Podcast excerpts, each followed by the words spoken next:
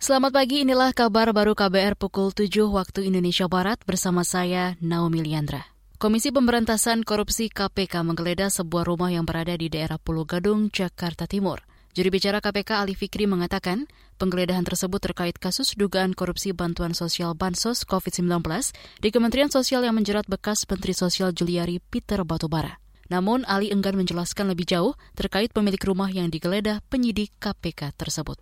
Namun sejauh ini tidak ditemukan adanya dokumen ataupun barang yang berkaitan dengan perkara ini. Tim penyidik KPK dipastikan masih akan terus mengumpulkan bukti dan melengkapi pembuktian pemberkasan di dalam perkara atas nama tersangka CPP dan kawan-kawan tersebut. Setiap perkembangan dari penanganan perkara ini dipastikan pula kami akan selalu informasikan kepada masyarakat. Itu tadi juri bicara KPK Ali Fikri. Dalam kasus bansos COVID-19, KPK baru menetapkan lima orang tersangka, yaitu tiga orang dari Kementerian Sosial dan dua dari swasta. KPK menduga bekas Menteri Sosial Juliari Batubara menerima suap sebesar 18 miliar rupiah sebagai fee pengadaan paket bantuan sosial sembako untuk warga terdampak COVID-19 di Jabodetabek. Dalam perkembangan penanganan kasus ini, sejumlah politikus PDI Perjuangan juga diduga terlibat.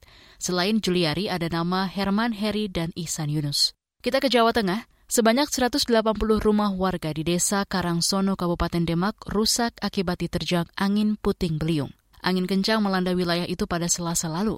Kepala Pelaksana Badan Penanggulangan Bencana Daerah BPBD Demak, Agus Nugroho mengatakan, salah satu rumah bahkan roboh karena tertimpa pohon tumbang ada kurang lebih 180-an rumah lah gitu. Warga masyarakat yang terdampak angin puting beliung.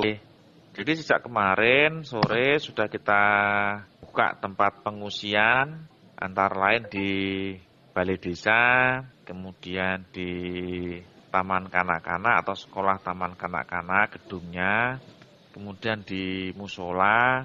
Kepala Pelaksana Badan Penanggulangan Bencana Daerah atau BPBD Demak, Agus Nugroho mengatakan tak ada korban jiwa akibat dari bencana angin puting beliung itu.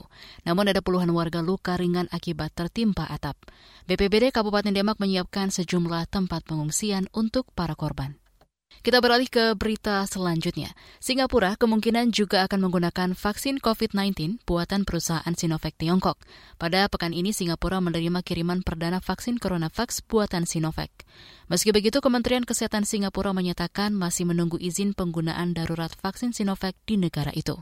Saat ini vaksin Sinovac telah digunakan di Tiongkok, Hong Kong, dan Indonesia. Sedangkan Singapura sejauh ini menggunakan dua vaksin COVID-19, yaitu Pfizer dan Moderna. Otoritas Singapura menargetkan vaksinasi COVID-19 bagi negara berpenduduk 5,7 juta orang itu selesai pada tahun ini. Demikian kabar baru KBR, saya Naomi Liandra.